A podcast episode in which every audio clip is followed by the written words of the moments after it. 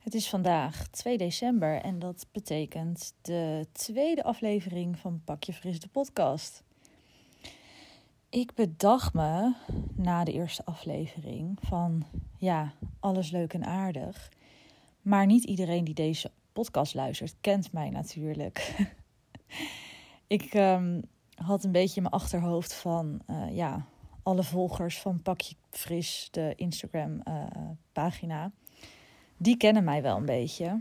Maar het kan natuurlijk ook zo zijn dat je dit luistert en de hele Instagram niet kent. Wat natuurlijk alleen maar heel erg leuk is.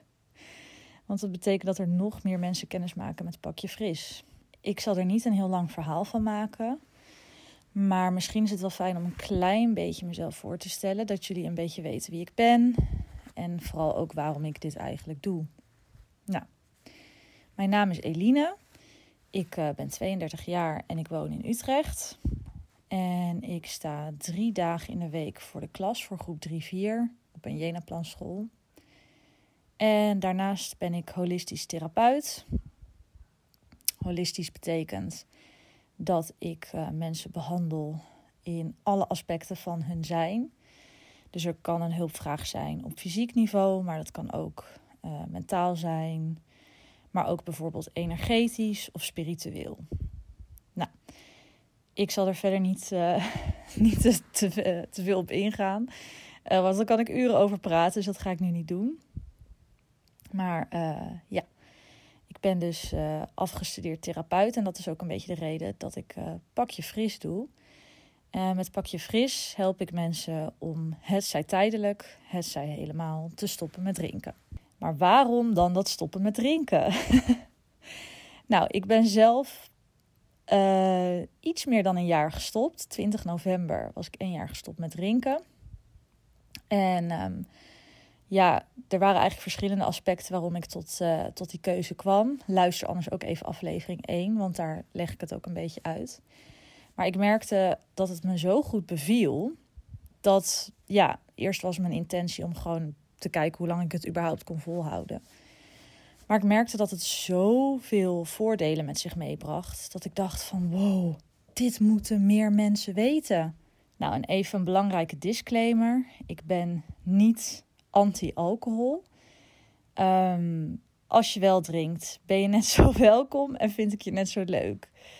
Uh, het zou ook heel hypocriet zijn, want ik heb er zelf enorm van genoten. Ik vond het eigenlijk te leuk. Het is natuurlijk niet voor niks dat ik echt helemaal de knoop door heb gehakt om helemaal te stoppen. Want ik vind het gewoon heel moeilijk om uh, maat te houden. En in de maand december krijg je als een soort cadeautje van, laten we het zeggen, de adventkalender. Uh, komen er allerlei podcastafleveringen online. Vandaag wilde ik het over het volgende hebben: waarom het zo moeilijk is om te stoppen met drinken. Ik wil dit even in twee afleveringen opdelen. Dus we gaan het vandaag over de eerste reden hebben en morgen over reden nummer twee. um, want ja, ik denk dat we allemaal wel weten dat het moeilijker is dan gewoon besluiten van, nou jongens, ik drink niet meer, ik laat het glas staan. Uh, ja, dat het dus wel iets verder gaat dan dat. Vandaag wilde ik heel erg ingaan op wat gebeurt er nou eigenlijk in je brein en waarom is het dus zo moeilijk om te stoppen. Nou, laten we eerst gaan kijken wat is eigenlijk het effect van alcohol in je brein. Wat gebeurt er op het moment dat je drinkt? Nou, wat alcohol doet, is het maakt dopamine aan. En het stofje dopamine, uh, daarvan voel je euforisch, je wordt gemotiveerd. Het is eigenlijk dat gebied in je hersenen, het beloningsgebiedje, zeg maar. Dus dat voelt heel fijn, heel bevredigend je noemt dat ook wel de neurotransmitter in je brein. Dus dat is, dopamine is de veroorzaker van al die gevoelens. Nou, en door alcohol krijg je een enorme hoeveelheid dopamine binnen. dat wordt daardoor enorm veel aangemaakt. Nou, dat is natuurlijk ook de reden waarom het zo leuk is en zo fijn. Nou, het effect in je gedrag is dat je gedachten wat stiller worden.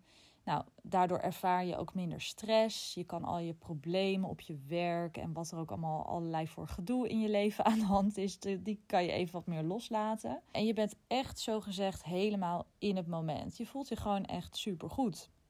je, ik hoor je al denken van, nou ja, perfect toch? Ja, dat is precies de reden waarom ik drink. ja, dat gold voor mij inderdaad ook. Ja, je hoort het natuurlijk al aankomen. Er zit een maar aan. Wat is dan het probleem? Het probleem met alcohol, alcohol is dat het produceert zoveel dopamine dat het verslavend is. En ja, ik weet het, verslavend, verslaving in de alcoholwereld is een heel moeilijk woord. Maar laten we het dan afhankelijkheid noemen. In die zin, je zou er niet, je zou niet morgen kunnen besluiten van ik ga nu een half jaar niet drinken. Dus je bent er een soort, ja, je bent er in die zin afhankelijk van. Wat ook heel interessant is, omdat er zo'n enorme piek aan dopamine is. Dus als je het ziet als een soort tabel en dan heb je een soort van lijn van normale hoeveelheid dopamine als je dus niet tot je neemt. En dan drink je en die gaat ontzettend omhoog. Dus een hele hoge piek in dopamine. De volgende dag daalt die ook. Dus hij gaat zeg maar ook weer helemaal onder de lijn zitten. Omdat het eigenlijk haast een soort van evenredig moet zijn. Dus als je zo onnatuurlijk veel dopamine aanmaakt, dan gaat hij ook weer heel erg omlaag en eigenlijk onder die baseline zitten. Nou ja, en dat ervaren we ook. Hè? Dat hoor ik ook veel van die katers. Het fysieke is erg. Hè? De misselijkheid, overgeven, hoofdpijn. Maar heel veel mensen ervaren de mentale effecten nog veel heftiger. Dus dat je trillerig bent, angstiger, veel negatieve gedachten, onzekerder. Nou, en dat komt dus doordat je heel laag in je dopamine zit. Dat maakt als je dus een heel, als je heel laag in je dopamine zit, ja, dan heb je dus heel weinig motivatie. Voel je totaal niet in het moment. Voel je je niet verbonden. En ja, bij sommige mensen is het zelfs echt bijna depressieve klachten die ze ervan krijgen. Nou, en wat het ding is, als je dus al 15, 15 jaar of 20 jaar of langer drinkt, dan zijn er bepaalde neurale banen in je hersenen, dus die in dat gebied wat dopamine aanmaakt, die zijn veranderd. Dus als we weer even kijken, hè, alsof het een soort schema is, die baseline, dus die, die, ja, die middenlijn zeg maar, die is zo gezegd verlaagd omdat je je systeem zo hebt getraind om, nou ja, hè, voor sommige mensen misschien bijna elke dag, sommige mensen die elke dag drinken, of alleen in het weekend, hè, dat maakt niet zoveel uit. Maar omdat je, omdat je systeem zo is getraind uh, om die beloning te krijgen en die fijne gevoelens te krijgen, pas na een hele onnatuurlijke, enorme hoeveelheid dopamine uh, door alcohol te drinken, wordt dus die, die middenlijn die wordt verlaagd. Nou, en dat is ook de reden dat alcohol zo belangrijk is in je leven.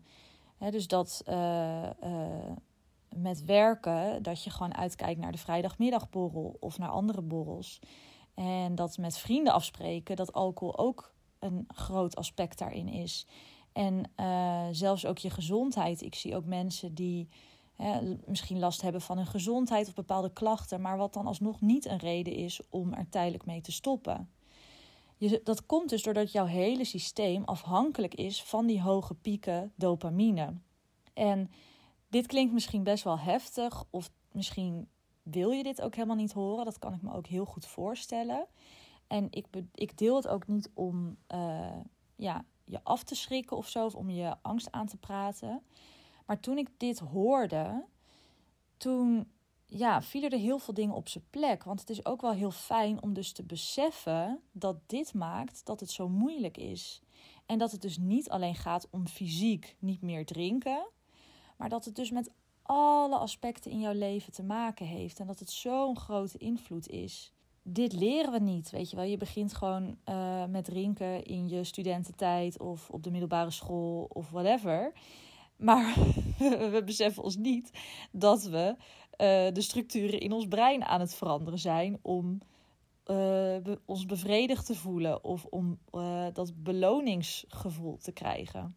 Wat er dus gebeurt als je stopt, dat je dus ook inderdaad die systemen in je hersenen moeten dus weer een hele tijd zonder die dopamine stoot. Dus, dus de, daarom maakt het ook dat het begin, dat het nog niet meteen helemaal uh, roze wolkjes en glitters en blijdschap is.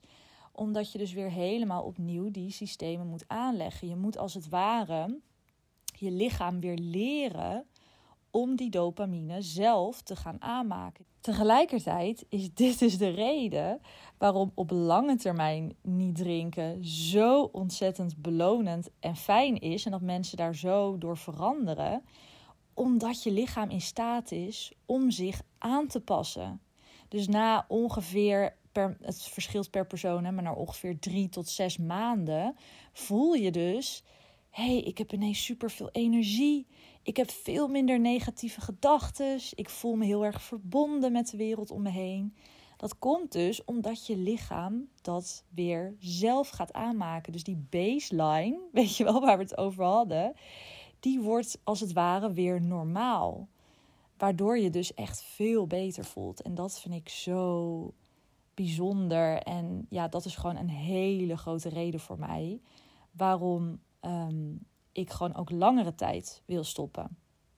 Maar ik denk dat, dat dit, dit wel heel belangrijk is om te weten. Dat dit dus echt het effect is van alcohol op jouw brein en daardoor dus op jouw leven. En dat dit een van de redenen zijn waarom het zo ontzettend lastig is om ermee te stoppen. Nou, ik hoop dat, het, dat ik je niet heel erg heb afgeschrikt, want dat is niet mijn bedoeling. Ik hoop alleen dat ik je ja, ja, misschien wat meer bewust heb gemaakt, maar vooral ook wat antwoorden heb gegeven of wat meer inzicht in jezelf, zodat je iets beter begrijpt ja, waarom het dus wat lastiger is soms. Nou, dankjewel voor het luisteren naar de tweede aflevering van Pak je Fris de podcast. Tot de volgende!